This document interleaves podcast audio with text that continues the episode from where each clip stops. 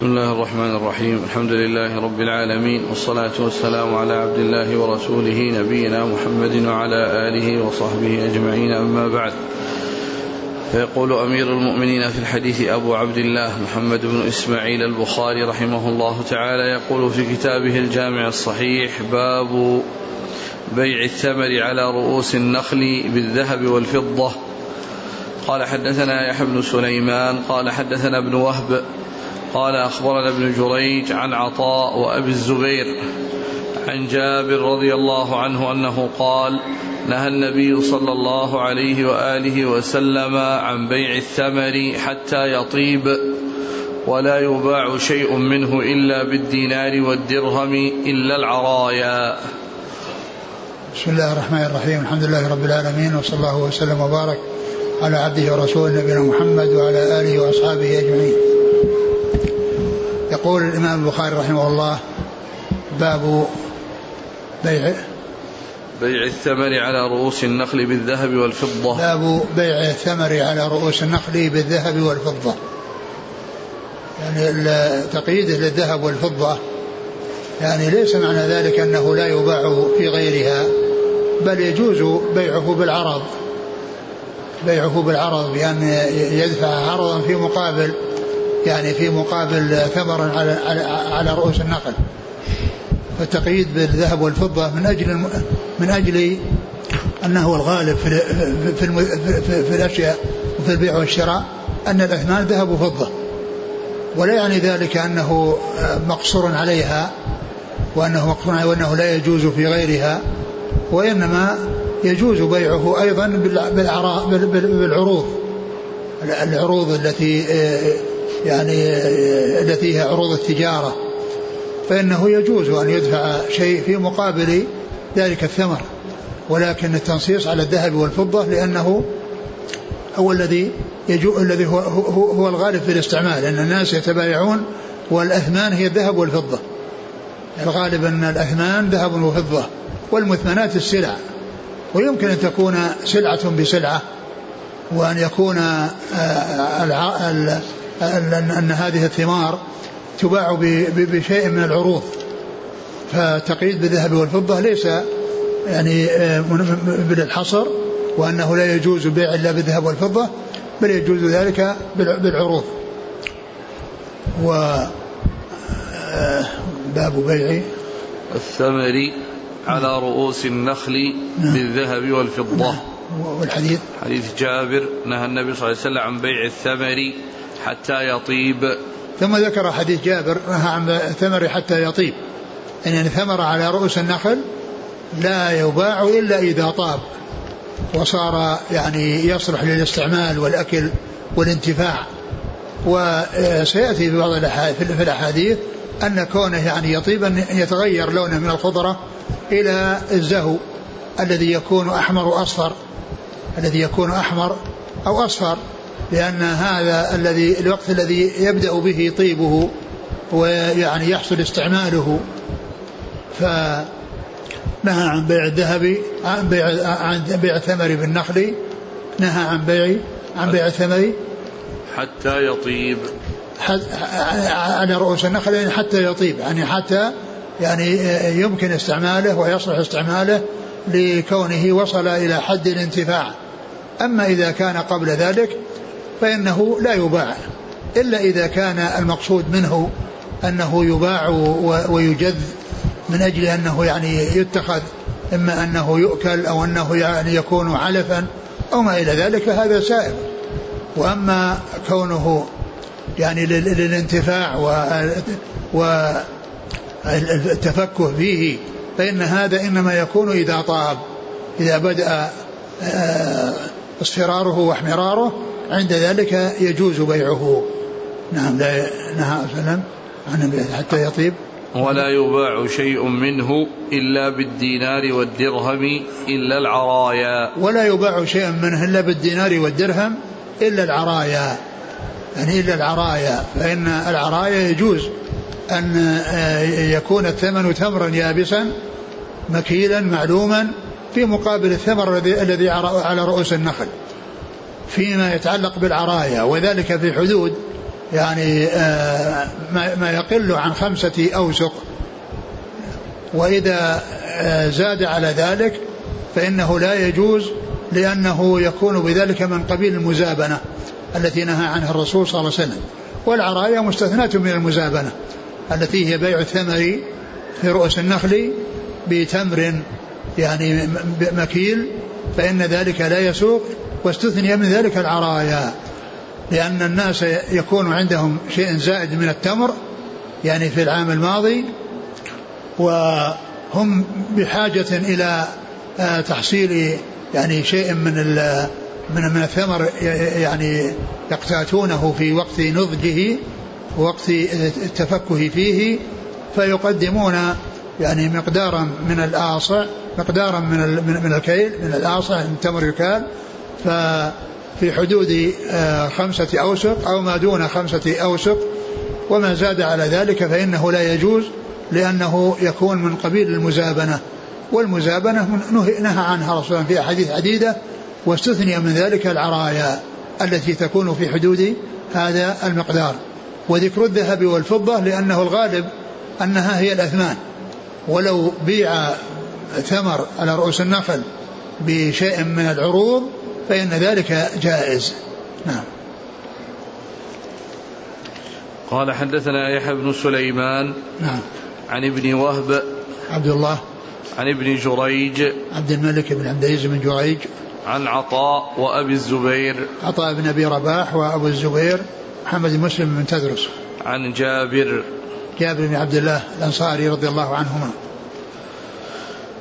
قال حدثنا عبد الله بن عبد الوهاب قال سمعت مالكا وسأله عبيد الله بن الربيع أحدثك داود عن أبي سفيان عن أبي هريرة رضي الله عنه أن النبي صلى الله عليه وآله وسلم رخص في بيع العرايا في خمسة أوسق أو دون خمسة أوسق.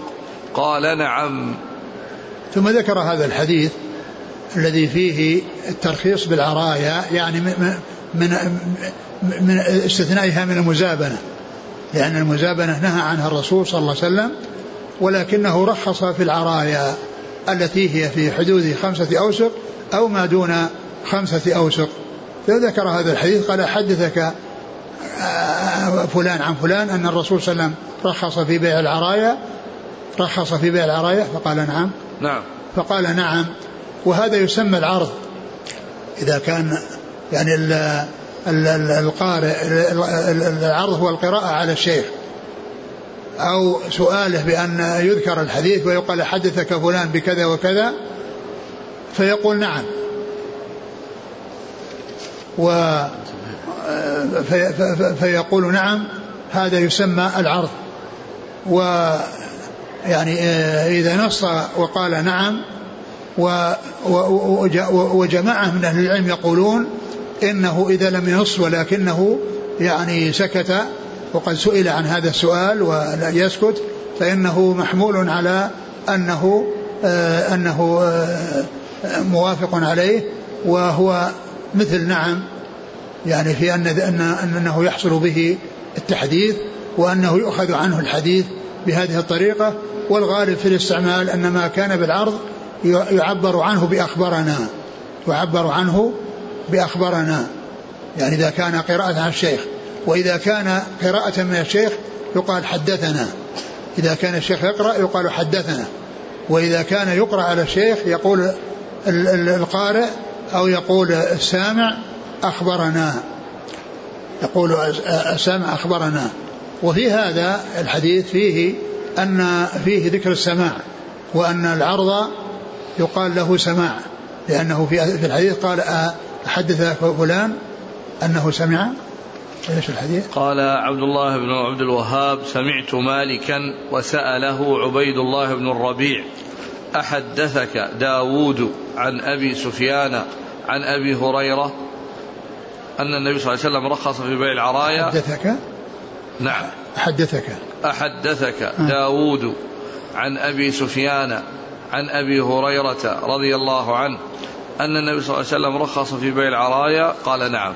ما في ذكر السماع لا. في الشرح ما ذكر السماع حدثك قال حدثك. نعم أو أخبرك. قال حدثك.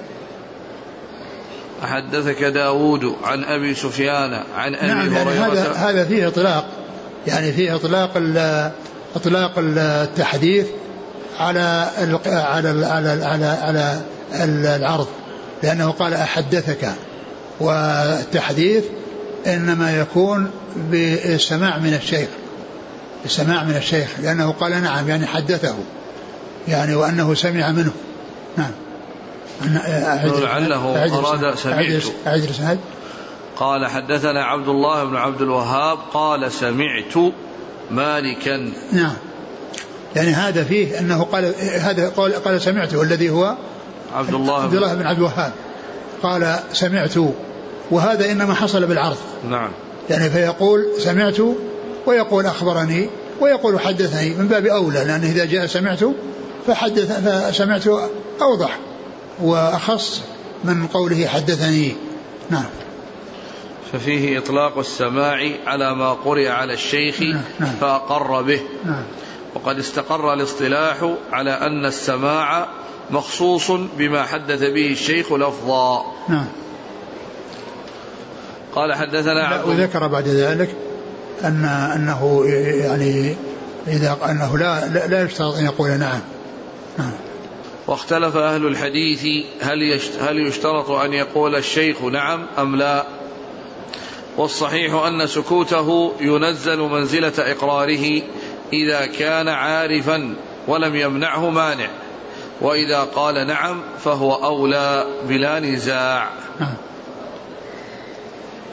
قال حدثنا عبد الله بن عبد الوهاب نعم. الحجبي نعم. عن مالك بن أنس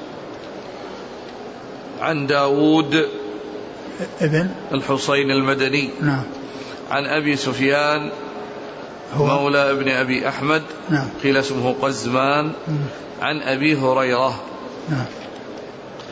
قال حدثنا علي بن عبد الله قال حدثنا سفيان قال قال يحيى بن سعيد سمعت بشيرا قال سمعت سهل بن أبي حثمة رضي الله عنه أن رسول الله صلى الله عليه وسلم نهى عن بيع الثمر بالتمر ورخص في العرية أن تباع بخرصها يأكلها أهلها رطبا. وقال سفيان مرة أخرى إلا أنه رخص في العرية يبيعها أهلها بخرصها يأكلونها رطبا. قال هو سواء. قال سفيان فقلت ليحيى وأنا غلام إن أهل مكة يقولون إن النبي صلى الله عليه وسلم رخص في بيع العرايا. فقال وما وما يدري أهل مكة. قلت إنهم يروونه عن جابر. فسكت. قال سفيان إنما أردت أن جابرا من أهل المدينة. قيل لسفيان وليس فيه نهى عن بيع الثمن حتى يبدو صلاحه. قال لا. نعم. ثم ذكر هذا الحديث. أوله. عن سهل بن أبي حسبة النبي صلى الله عليه وسلم نهى عن بيع الثمر بالتمر. ورخص في العرية. يعني نهى عن بيع الثمر بالتمر. يعني وهذه وهي المزابنة التي سبق أن مرت في عدة أحاديث. ورخص في العرية لأنه بيع ثمر على رؤوس النخل بتمر يعني بتمر مكيل وب يعني مقدار معين من التمر يعني بآصع أو أو ساق. فإنه يعني فإن ذلك فإن ذلك جائز بالنسبة للعرايا وفي حدود خمسة أوسق أو ما دون خمسة أوسق. وما زاد على ذلك فإنه لا يجوز لأنه من قبيل من قبيل بيع من قبيل المزابنة الذي يبيع الثمر بالتمر وليس وليس من العرايا. أما العرايا في حدود آه، خمسة أوسق أو ما دون خمسة أوسق فإن هذا مستثنى فإن ذلك مستثنى من المعنى. وهذا في وهذا فيه ذكر الجمع بين النهي عن المزابنة وبين الترخيص بالعرايا. قال قال نهى عن بيع الثمر بالتمر ورخص في العرية أن تباع بخرصها يأكلها أهلها رطبا. نعم. وقال سفيان مرة أخرى إلا أنه رخص في العرية يبيعها أهلها بخرصها يأكلونها رطبا. قال هو سواء. يعني ذكر يعني آه، آه، كلام ابن عيينة يعني في أنه مرة قال كذا ومرة قال كذا وهو ترخيص فيما يتعلق بالعرايا والعبارتان معناهما واحد ولكن لفظهما مختلف. ولهذا قال في الآخر هما سواء. يعني هما سواء من حيث المعنى وإن اختلف في اللفظ؟ لأنها كلها تتعلق بالترخيص بالعرايا وهو بيع ثمر على رؤوس النخل من في مقدار معين يعني في حدود خمسة أوسق وما دون. يعني يسوغ ذلك ويجوز يعني في هذا الحدود وفي هذا المقدار الذي هو العرايا. نعم. ولكن العبارتين عن عن سفيان جاءتا بلفظين مختلفين لفظهما مختلف ومعناهما واحد. نعم. إيش بعده؟ قال سفيان فقلت ليحيى نعم. وأنا غلام إن أهل مكة يقولون إن النبي صلى الله عليه وسلم رخص في بيع العرايا فقال وما يدري أهل مكة؟ قلت إنهم يروونه عن جابر فسكت. قال سفيان إنما أردت أن جابرا من أهل المدينة. قيل لسفيان وليس فيه نهى عن بيع الثمن حتى يبدو صلاحه؟ قال لا. وقول سفيان بن عيينة ل آه قول سفيان بن عيينة ليحيى. ليحيى بن سعيد الأنصاري. قال سفيان بن عيينة ليحيى بن قال قلت وأنا غلام. يعني أنه يعني يذاكر شيخه ويعني آه، يتكلم معه بما عنده من العلم. وقوله أنا غلام يعني أنه صغير. وهذا يدل على فقهه وذكائه. وأن يعني وأن كونه يعني آه، يفهم ويستنبط يعني من هذا أن أهل مكة يعني ليسوا يعني أهل زراعة وليسوا أهل نخل. وقال إنهم يقولون أهل مكة يقولون فقال وما يدريهم؟ قال إنهم يقولون عن جابر. فسكت لأن جابر من أهل المدينة لأنهم يرونه عن صحابي من أهل المدينة. يعني آه هو من أهل آه المدينة الذين عندهم هذه هذه يعني عندهم النخل وعندهم الزرع فقال فسكت لما أخبره بأنه عن جابر وجابر من أهل المدينة. وأهل المدينة عندهم علم بال هم عندهم علم بالزرع وبالحرث لأن بلادهم المدينة بلاد حرث وزرع. وأما أهل مكة فهي بلاد تجارة. هي بلاد تجارة. لهذا جاء يقول في القرآن في في زرع بيتك المحرم. اني إني اسكنت من ذريتي في واد غير ذي زرع عند بيتك المحرم. يعني انه ما عندهم زراعه وإنما عندهم التجارة. ولهذا يسافرون للتجارة إلى الشام وإلى اليمن. وعندهم رحلة الشتاء والصيف لأنهم أهل تجارة. وأما أهل المدينة فهم أهل حرث وزراعة. أهل نخل وأهل حرث وزراعة. فلما قال له إن أنهم يعني يعني يروونه عن عن جابر وهو المدينة سكت نعم. قال حدثنا علي بن عبد بعده قال وليس فيه نهى عن بيع الثمن حتى يبدو صلاحه؟ قال لا. قال وليس فيه يعني عن بيع النخل حتى يبدو صلاحه؟ قال لا. لأن هذه الرواية أنه ليس فيها يعني هذه الجملة. ولكن لا يعني ذلك أن أنها غير صحيحة فإنها صحت من أحاديث عديدة وجاءت من أحاديث عديدة لكن هذه الرواية ليس فيها هذه الزيادة. نعم. قال حدثنا علي بن عبد الله ابن مديني عن سفيان ابن عيينة عن يحيى بن سعيد الأنصاري عن بشير بشير بن يسار الأنصاري نعم. عن سهل بن أبي حثمة نعم. منسوب إلى جده سهل بن عبد الله بن أبي حثمة. نعم. قال رحمه الله تعالى باب تفسير العرايا. وقال مالك العرية أن يعري الرجل الرجل النخلة ثم يتأذى بدخوله عليه فرخص له أن يشتريها منه بتمر. وقال ابن إدريس العرية لا تكون إلا بالكيل من التمر يدا بيد لا يكون بالجزاف. ومما يقويه قول سهل بن أبي حثمة بالأوسق الموسقة وقال ابن إسحاق في حديثه عن نافع عن ابن عمر رضي الله عنهما كانت العرايا أن يعري الرجل في ماله النخلة والنخلتين. وقال يزيد عن سفيان بن حسين العرايا نخل كانت توهب للمساكين فلا يستطيعون أن ينتظروا بها رخص لن ينتظروا بها رخص لهم أن يبيعوها بما شاءوا من التمر. قال حدثنا محمد قال أخبرنا عبد الله قال أخبرنا موسى بن عقبة عن نافع عن ابن عمر عن زيد بن ثابت رضي الله عنهم أن رسول الله صلى الله عليه وسلم رخص في العرايا أن تباع بخرصها كيلا. قال موسى بن عقبة والعرايا نخلات معلومات تأتيها فتشتريها. قال موسى بن عقبة والعرايا نخلات معلومات تأتيها فتشتريها. ثم قال باب تفسير العرايا يعني توضيح معنى العرايا. والعرايا جمع عرية ويعني لها صور. وذكر البخاري رحمه الله هنا عدة أوجه من ما يطلق عليه عرية أو يقال له عرايا.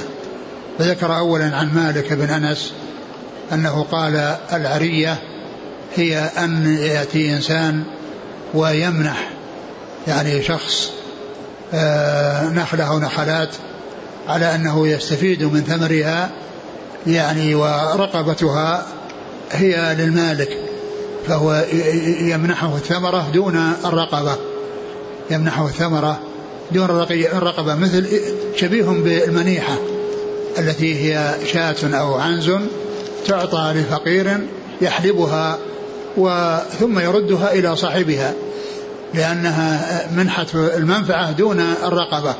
المنفعة الذي هو اللبن وهنا المنفعة الذي هو التمر. الذي هو التمر. ثم إنه بعد أن يعطيه يترددون عليه ويحصل ترددهم عليه فيحصل له بذلك مشقة من ترددهم. فيشتريها منهم بالتمر يعطيهم تمر يعني آه، جاهز.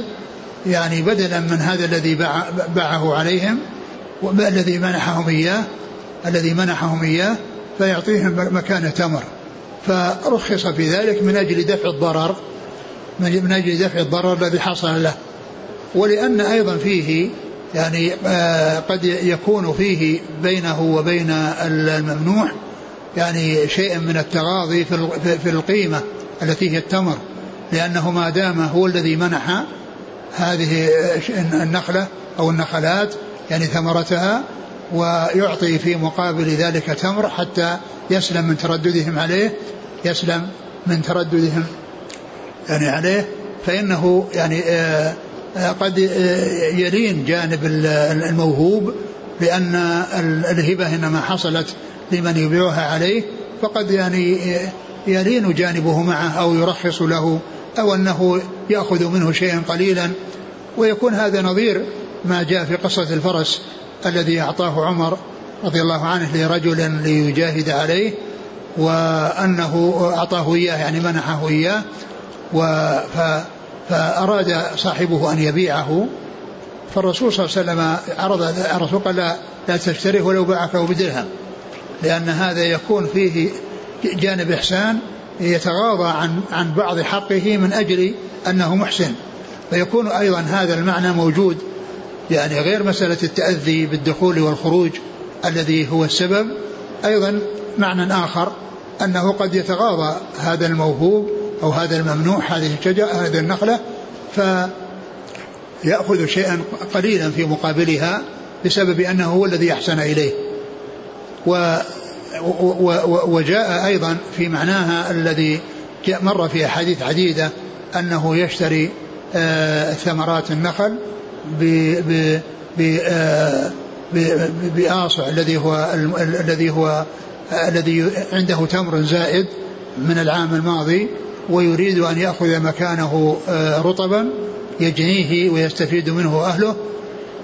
وهي التي جاءت في أحاديث عديدة الذي أن أنها يبيعها الثمر من النخل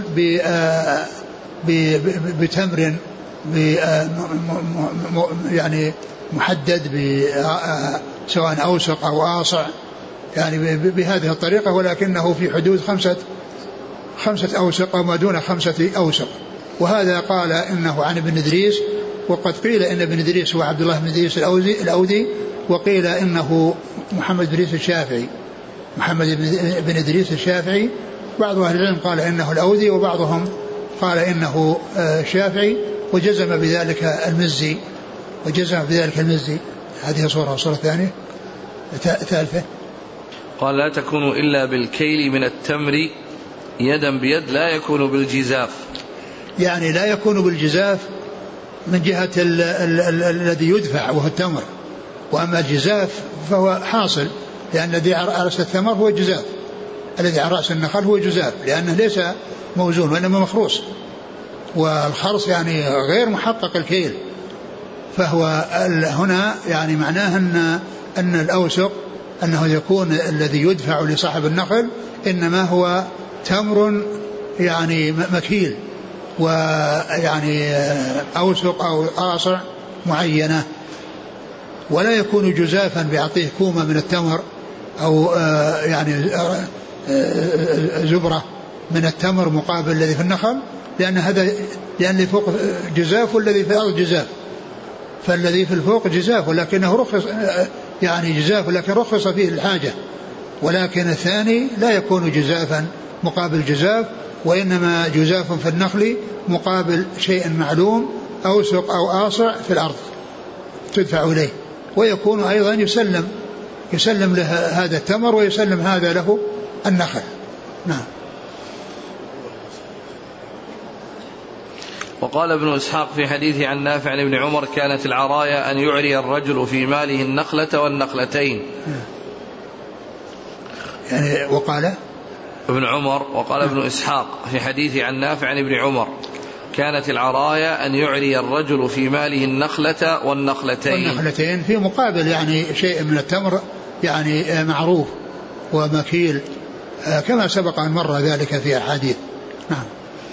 وقال يزيد عن سفيان بن حسين العرايا نخل كانت توهب للمساكين فلا يستطيعون أن ينتظروا بها رخص لهم أن يبيعوها بما شاءوا من التمر.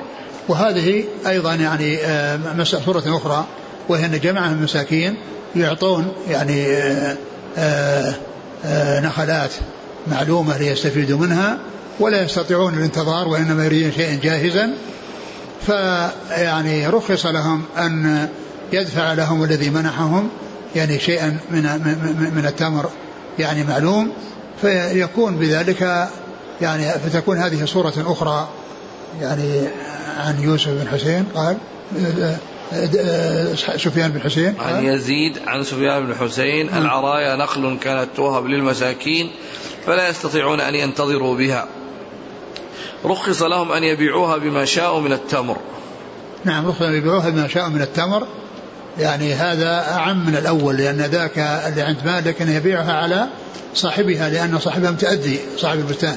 وأهم هذا يمكن يبيعها عليه وعلى غيره لكنه بشيء بكيل معلوم. نعم.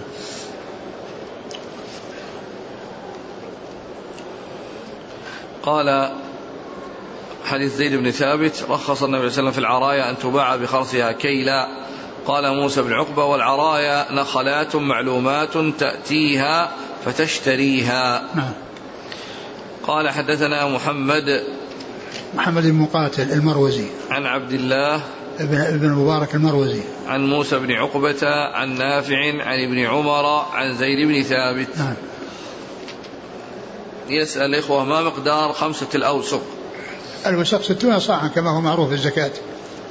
يعني آه، الزكاة يعني النصاب من آه، خمسة أوسق والوسق ستون صاعا فيكون ثلاثمائة صاع. هذا هو الوسق. إذا كان عنده مال يستطيع أن يشتري به الرطب فهل حينئذ تجوز له العرايا؟ لا إذا كان عنده مال يعني لا يعني لا يفعل ذلك لأن هذا رخص فيه يعني يبدو والله أعلم أن أن هذا الترخيص لأن ما في ما في نقود أما إذا كان في نقود ف يعني يخرج من الإشكال و وإنما الكلام على أناس زاد عندهم تمر بعد العام الماضي وليس عندهم نقود يعني في الغالب لأنهم فقراء ولهذا احتيج احتيج إلى أنهم يتعاملون بهذه المعاملة. لكن يبدو والله أعلم إذا كان عندهم إذا كان إذا كان عندهم يعني أنهم نقود فيباع ذلك بالنقود مثل ما جاء في الحديث الذي سبق. يعني لا يباع ثمر راس النخل إلا بالدراهم والدنانير أو بالذهب والفضة. نعم. الذي يبدو والله أعلم أن هذا أن ذاك للحاجة. نعم. قال رحمه الله تعالى باب بيع الثمار قبل أن يبدو صلاحها. وقال الليث عن أبي الزناد كان عروة بن الزبير يحدث عن سهل بن أبي حثمه الأنصاري من بني حارثة أنه حدثه عن زيد بن ثابت رضي الله عنه أنه قال كان الناس في عهد رسول الله صلى الله عليه وسلم يتبايعون الثمار فإذا جد الناس وحضر وحضر تقاضيهم قال المبتاع إنه أصاب الثمر الدمان أصابه مراض أصابه قشام عاهات يحتجون بها. فقال رسول الله صلى الله عليه وسلم لما كثرت عنده الخصومة في ذلك فإما لا فلا تتبايعوا حتى يبدو صلاح الثمر كالمشورة يشير بها لكثرة خصومتهم.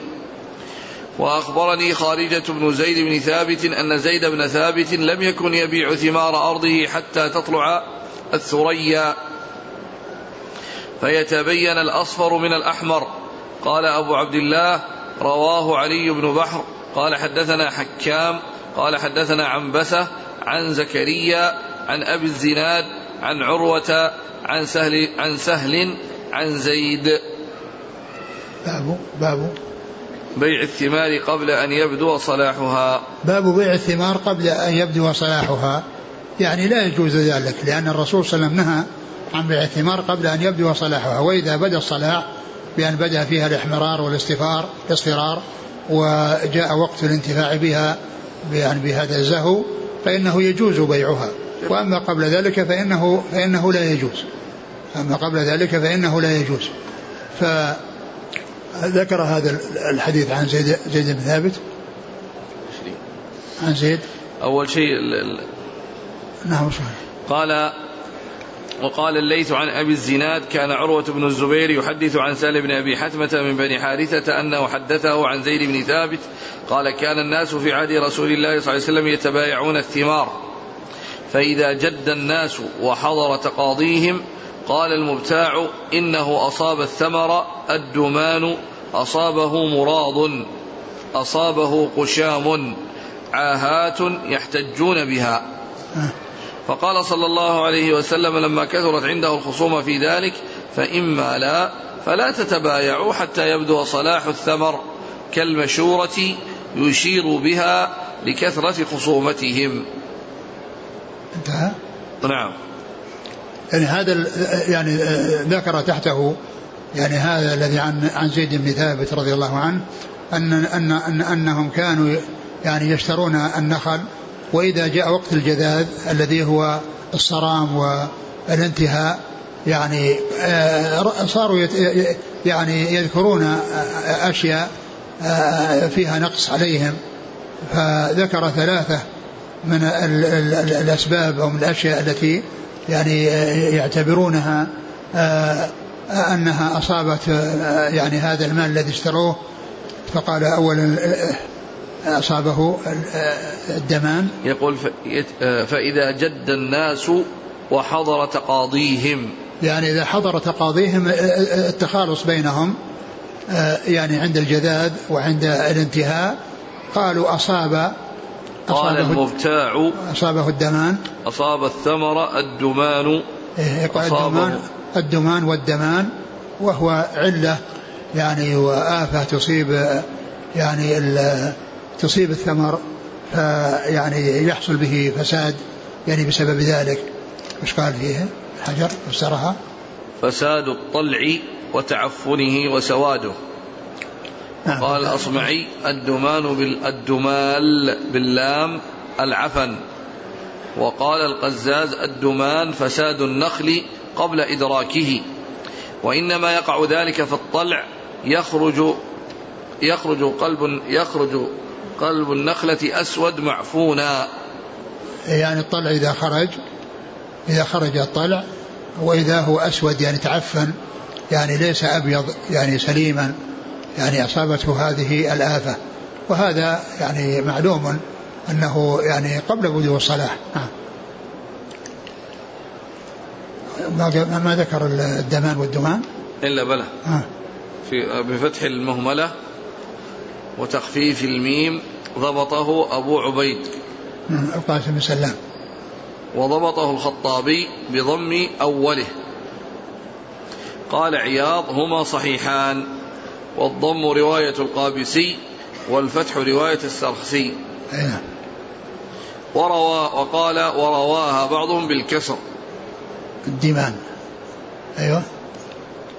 وذكر أبو عبيد عن أبي الزناد بلفظ الإدمان. زاد في أوله الألف وفتحها وفتح الدال الأدمان. ثم فسره بأنه تعفن. طيب وشيء ثاني؟ قال والمراض أصابه مراض أصابه قشام. طيب وش كان تفسيرها؟ ميراض بكسر أوله للأكثر والخطابي يقول بضمه اسم لجميع الأمراض بوزن الصداع ولعله السعال. وهو داء يقع في الثمرة فتهلك يقال أمرض إذا وقع في ماله عاهة. وزاد الطحاوي في يعني هذا عام يعني كان يعني مراض يعني آه، اسم يعني يشمل أمور عامة هي تعتبر من من أمراض الثمر. نعم. في رواية الطحاوي أصابه عفن نعم. والقشام بضم القاف بعدها معجمة خفيفة. زاد الطحاوي في روايته والقشام شيء يصيبه حتى لا لا يرطب. قال الأصمعي هو أن ينتقص ثمر النخل ثمر النخل قبل أن يصير بلحا. نعم يعني أنه قبل أن يصير بلحا يحصل له يعني بأن يحصل يعني ينزوي ويصير يتجعد بدل ما يكون يعني آه، صافي وخالص وسليم. منظره جميل يظهر متجعد. يعني يسمونه يعني في هذا الزمان العرار. يعني يسمونه عرار يعني والمفرد عرارة. يعني أنه تجعد وانكمش حتى صار يعني بهذه الصورة. يعني هذا يسمونه القشام. نعم هذا القشام هو هذا الذي يعني يصيبه نقص. يعني فلا يستمر ولا يعني ولا يزهو لأنه أصابه هذا المرض الذي انكمش وصار بهذه الهيئة التي يعني لا يكون فيها يعني آه، مزهيا ومستفادا منه. نعم قال عاهات يحتجون يعني بها. هذه الأمور الثلاث اللي راحت يعني هذا يعني يرجع إليها. عاهات أحد يقول كذا وأحد يقول كذا وأحد يقول كذا عاهات يحتجون بها يعني يريدون أن يتخلصوا من آه، البيع أو من آه، من آثار البيع وأنهم يعني يعني ترجع إليهم نقودهم. فالرسول صلى الله عليه وسلم قال أما لا أما إذا كان يعني سيحصل يعني به هذه هذه الآفات أو هذه الأعذار أو هذه الأشياء التي يعني تثمر الخصام فلا يعني فلا فلا فلا يباع بهذا فلا يباع يعني حتى يطيب وحتى يزهو كما جاء بحيث أنه نهى عن بيع الرطب على رؤوس النخل حتى يزهو ويزهو يحمر ويصفار نعم كما سيأتي.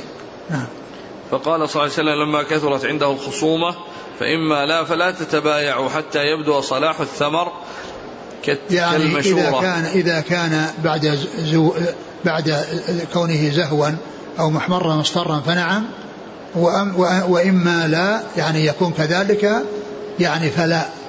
يعني إن كان كذا فنعم وإن كان وإما لا فلا. وإما لا يكون يعني كذلك يعني أنه يعني يكون يعني قد بدا صلاحه وحصل زهوه فلا أي فلا يحصل البيع لأنه يحصل بذلك ولهذا نهى عن بيع الثمر حتى يبدو صلاحه. نعم. وقوله كالمشورة هذا يقوله. يعني الراوي أنه يعني قال ذلك ينبههم على أنهم لا يفعلون ذلك. ولكنه جاء عنه النص أنهم يعني أن أن أن, أن أنهم لا يشترونه قبل بدو صلاحه وأنه إذا بدأ الصلاح يعني فإنه يصح البيع ويجوز الشراء. نعم. قال وأخبرني خارجة بن زيد أن زيد بن ثابت لم يكن يبيع ثمار ارضه حتى تطلع الثريا. يعني أنه حتى يحصل الزهو لأنه إذا طلعت الثريا من المشرق يعني مع الفجر يعني هذا طلوع الثريا يعني إشارة إلى الزمان الزمان الذي يحصل به الزهو. لأن المقصود أنه حتى يزهو وعلامة الزهو أن الثريا طلعت فإذا طلعت الثريا من المشرق بعد يعني في الفجر فهذا هو الوقت الذي يبدو فيه الزهو. نعم. فيتبين الأصفر من الأحمر. نعم فيتبين الأصفر من الأحمر. يعني معناه إذا طلعت الثريا يعني آه، حصل الزهو وتبين ما كان الذي كان أخضر يعني يظهر شيء يتحول إلى كون أصفر وكون وإلى كونه أحمر لأن آه، لأنه قبل ذلك أخضر. كل الثمرة تكون خضراء. ثم ينقسم تنقسم الثمرة عند الإزهاء إلى قسمين إما أصفر وإما أحمر. نعم. قال قال الليث عن أبي الزناد. عبد الله بن ذكوان. كان عروة بن الزبير يحدث عن سالم بن أبي حثمة الأنصاري عن زيد بن ثابت. نعم. قال وأخبرني خارجة بن زيد بن ثابت أن زيد بن ثابت. نعم. قال أبو عبد الله رواه علي بن بحر. علي بن بحر هو القطان, القطان الرازي نعم. عن حكام ابن سلم الرازي نعم. عن عنبسة ابن سعيد ابن الضريس نعم. عن زكريا ابن خالد الرازي نعم. عن أبي الزناد عن عروة عن سهل عن زيد نعم. قال حدثنا عبد الله بن يوسف قال أخبرنا مالك عن نافع عن عبد الله بن عمر رضي الله عنهما أن رسول الله صلى الله عليه وآله وسلم نهى عن بيع الثمار حتى يبدو صلاحها نهى البائع والمبتاع. ثم ذكر هذا الحديث عن ابن عمر. عن ابن عمر قال نهى صلى الله عن بيع الثمار قبل أن يبدو صلاحها نهى البائع والمبتاع. يعني كلهم موجه إليه النهي. البائع يعني منهي يعني عن كونه يبيع آه، لأن لأنه يعني آه، آه، قد يحصل يعني لأنه يحصل يعني يحصل عليه الضرر يعني بذلك لأنه سيكون من ضمانه كما سيأتي في بعض الأحاديث.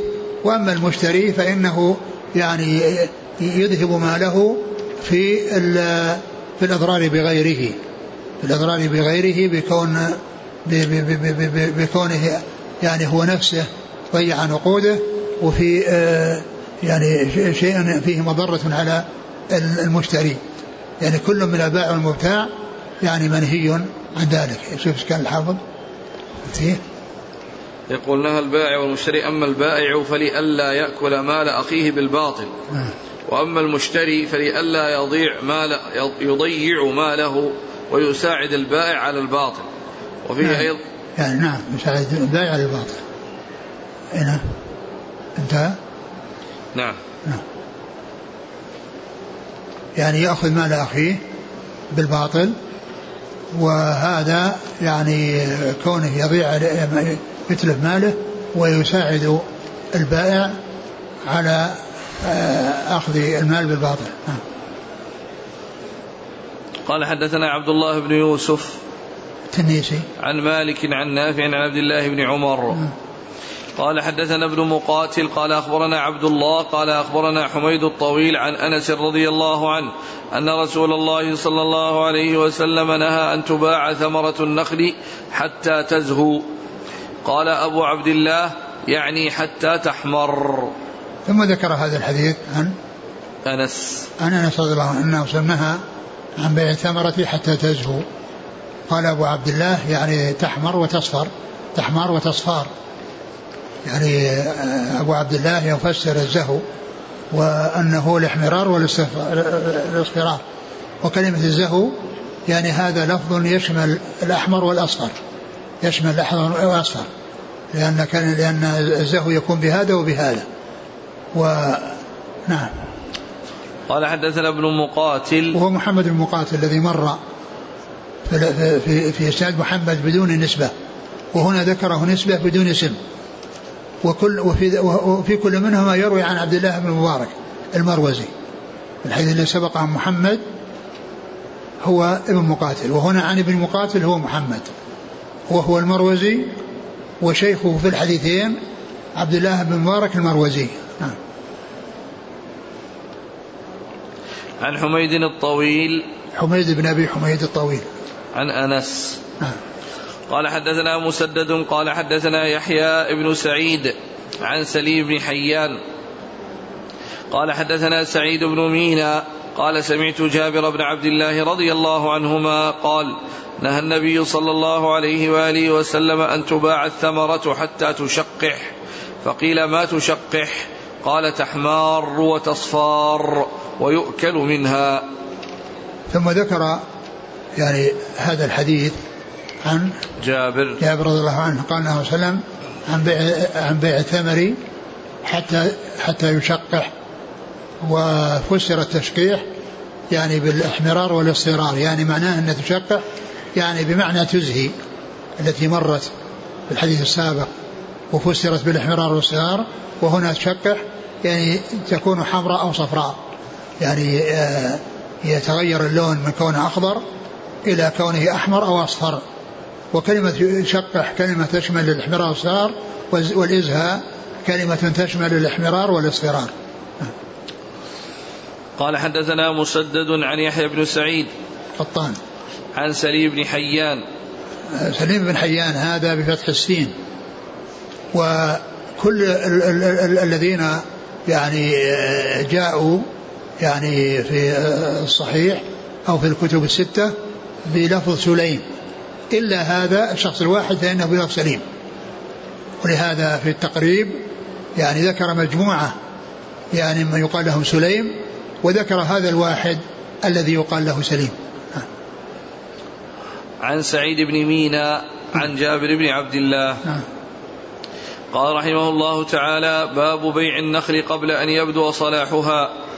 قال حدثني علي بن الهيثم قال حدثنا معلى قال حدثنا هشيم قال أخبرنا حميد قال حدثنا أنس بن مالك رضي الله عنه عن النبي صلى الله عليه وآله وسلم أنه نهى عن بيع الثمرة حتى يبدو صلاحها وعن النخل حتى يزهو قيل وما يزهو عن بيع عن بيع حتى عن بيع الثمرة نعم. حتى يبدو صلاحها نعم. وعن النخل حتى يزهو قيل وما يزهو قال يحمار أو يصفار ثم ذكر باب النهي باب بيع النخل قبل أن يبدو صلاحها. باب بيع النخل قبل أن يبدو صلاحها.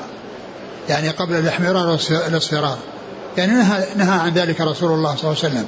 في النخل وفي غيره. ولهذا ذكر الثمرة قبل بدو صلاحها وهذا يشمل يعني يشمل النخل وغيره.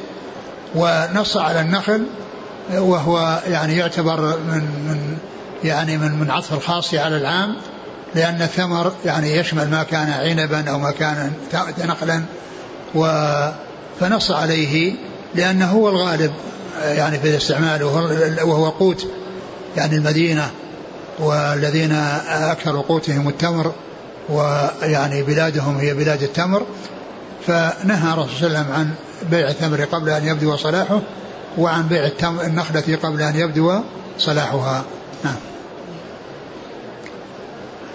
قال حدثنا علي بن الهيثم. إلا إلا إذا كان أنه سيجذ يعني يشتريه ليجذ للجذاذ لا للإبقاء. نعم. قال حدثني علي بن الهيثم. نعم. عن معلى ابن منصور الرازي نعم عن هشيم ابن بشير عن. حميد عن أنس نعم. قال رحمه الله تعالى باب إذا باع الثمار قبل أن يبدو صلاحها ثم أصابته عاهة فهو من البائع قال حدثنا عبد الله بن يوسف قال أخبرنا مالك عن حميد عن أنس بن مالك رضي الله عنه أن رسول الله صلى الله عليه وسلم نهى عن بيع الثمار حتى تزهي فقيل له وما تزهي قال حتى تحمر حتى تحمر. فقال أرأيت إذا منع الله الثمرة بما يأخذ أحدكم مال أخيه؟ قال قال الليث حدثني يونس عن ابن شهاب قال لو أن رجلا ابتاع ثمرا قبل أن يبدو صلاحه ثم أصابته عاهة كان ما أصابه على ربه. قال أخبرني سالم بن عبد الله عن ابن عمر رضي الله عنهما أن رسول الله صلى الله عليه وآله وسلم قال لا تتبايع الثمر حتى يبدو صلاحها ولا تبيع الثمر بالتمر. انتهى؟ نعم. باب؟ إذا باع الثمار قبل أن يبدو صلاحها ثم أصابته عاهة فهو من البائع. نعم إذا حصل البيع يعني قبل آه، بدو الصلاح فإن ذلك يعني مخالف. وقد نهى عن الرسول صلى الله عليه وسلم حيث نهى عن البيع قبله لكنه إذا حصل البيع ثم حصل آفة فإنها من ضمان البائع صاحب النقد وليست من ضمان المشتري لأن لأن ذلك الوقت لأنه آه، جاء النهي عن رسول النهي من رسول الله عليه الصلاة والسلام عن بيع الثمر قبل بدو الصلاح. فإذا يعني حصل البيع ووجدت المخالفة يعني في ذلك فإنه من ضمان البائع. من ضمان البائع وأخرى خسارة على البائع. ليست على على المشتري. نعم. عن أنس نهى صلى الله عليه وسلم عن بيع الثمار حتى تزهي. نعم. قيل له وما تزهي؟ قال حتى تحمر. نعم. فقال أرأيت إذا منع الله الثمرة بما يأخذ أحدكم مال أخيه؟ نعم يعني هذا يبين وجه المنع. لأن كونه باعه قبل أن يزهي وأنها حصل آفة وحصل شيء يعني يمنع الاستفادة من الثمره وأنها لم يحصل يصل إلى حد الزهو فقال بما يأخذ أحدكم مال أخيه؟ يعني يأخذ نقود أخذ نقوده وما حصل له ثمرة لأن الثمرة حصل لها الخراب. نعم. بعده. وعن ابن شهاب قال لو أن رجلا ابتاع ثمرا قبل أن يبدو صلاحه ثم أصابته عاهة كان ما أصابه على ربه. يعني البائع وهو الذي ذكر في الترجمة فهو من البائع يعني من ضمان البائع ومن الخسارة على البائع. نعم. قال صلى الله عليه وسلم لا تتبايع الثمر حتى يبدو صلاحها ولا تبيع الثمر بالتمر. لا تبيع الثمر حتى الثمر حتى يبدو صلاحها ولا تبيع الثمر بالتمر الذي هو المزابنة. والحديث مشتمل على النهي عن بيع الثمر قبل بدو الصلاح وعن المزابنة التي هي بيع الثمر بالتمر المكيل آه، فإنه ممنوع ويستثنى من ذلك العرايا كما مرت الأحاديث في ذلك. نعم. قال حدثنا عبد الله بن يوسف نعم عن مالك عن حميد عن أنس. نعم. قال الليث حدثني يونس عن ابن شهاب. الليث بن سعد يونس بن يزيد الايلي عن ابن شهاب. نعم. عن سالم بن عبد الله عن ابن عمر. نعم. قال رحمه الله تعالى باب شراء الطعام إلى أجل. قال حدثنا عمر بن حفص بن غياث. قال حدثنا أبي قال حدثنا الأعمش قال ذكرنا عند إبراهيم الرهن في السلف فقال لا بأس به. ثم حدثنا عن الأسود عن عائشة رضي الله عنها أن النبي صلى الله عليه وسلم اشترى طعاما من يهودي إلى أجل فرهنه درعة. باب؟ شراء الطعام إلى أجل. يعني معناه تقديم تقديم المثمن وتأجيل الثمن. تقديم المثمن يعني يعني وتقديم وتأجيل الثمن. فالرسول صلى الله عليه وسلم شرى طعاما وإلى أجل وأرهن درعه يعني من اليهود الذي شرى منه صلوات الله وسلامه وبركاته عليه. والرهن إنما يكون في البيع الآجل أو المؤجل يتوثق به يعني صاحب صاحب العين على يعني آه، وصول أو آه، وصول حقه إليه ولهذا يقولون عن تعريف الرهن توثقة عين بدين توثقة دين بعين توثقة دين بعين يعني ثمن يعني مؤجل بعين هي المرهون أو الشيء الذي يرهن. فهذا هذا بيع بيع الآجال وبيع الآجال يجوز بالسعر الذي هو سعر الوقت وبشيء أكثر من أجل الزمن ومن أجل الزيادة فإن ذلك سائق الذي يسمونه بيع التقسيط. يسمونه بيع التقسيط جائز بأن تكون السلعة تساوي يعني في, في الناجز مثلا مئة وفي الآجل يعني 120 فإنه لا بأس بذلك. نعم. يقول الأعمش ذكرنا عند إبراهيم الرهن في السلف. فقال لا بأس به. ثم حدثنا عن نعم يعني لا بأس به إنه جائز يعني كون يعني شيء غايب يعني يكون فيه رهن ويجوز بدون رهن مو لازم أن يكون برهن. لكن إذا إذا إذا توثق برهن فإن ذلك سائر. وإن أراد أن لا يأخذ رهنا وإنما يأخذ حقه في المستقبل وإن لم يحصل فإنه نظرة إلى ميسرة. نعم فهذا سائغ وهذا سائغ نعم. قال حدثنا عمر بن حفص بن غياث. نعم. عن أبيه نعم. عن الأعمش. سليمان بن مهران. عن إبراهيم. بن يزيد النخعي. عن الأسود. الأسود النخعي. عن عائشة. نعم. قال باب إذا أراد بيع تمر بتمر خير منه. قال رحمه الله تعالى باب إذا أراد حديث؟ حديث واحد. نعم. قال رحمه الله تعالى باب إذا أراد بيع تمر بتمر خير منه.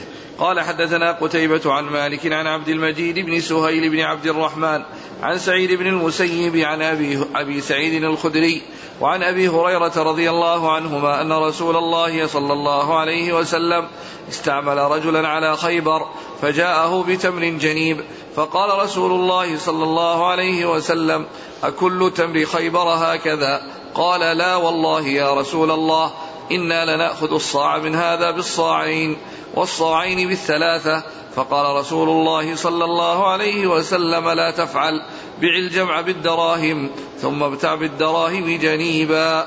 ثم قال باب بيع التمر بتمر أكثر منه؟ خير منه. بتمر خير منه. بتمر خير منه. يعني أن التمر بالتمر لابد أن يكون متساويا آه، سواء كان جيدا أو رديئا.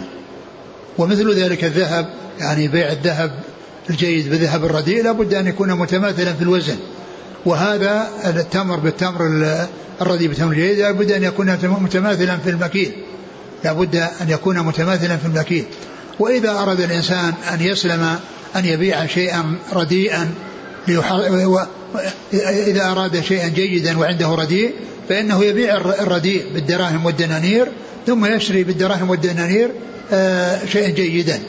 لأن الجنيب هو الجيد والجمع الذي هو مجمع ومخلط من أنواع التمور فيكون ليس من النوع ليس بالجيد. الجيد يعني يكون نوعا واحدا وسليما يعني آه، وهذا مجمع من التمور يعني آه، فيكون دون ذلك.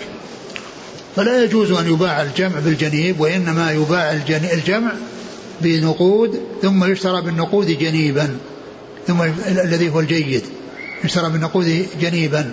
فهذا يدل على أنه لا يجوز أن يباع الصاع بالصاعين لا يباع الصاع من الجنيب بالصاعين من الجمع وإنما صاع من الجمع بصاع من الجنيب. والطريق إلى السلامة من من هذا هذه المعاملة أن يبيع الجمع بثمنه ويأخذ نقوده ويشتري بها جنيبا وبذلك يحصل مقصوده ويسلم من الوقوع في الربا. نعم. قال إيش الأول حديث؟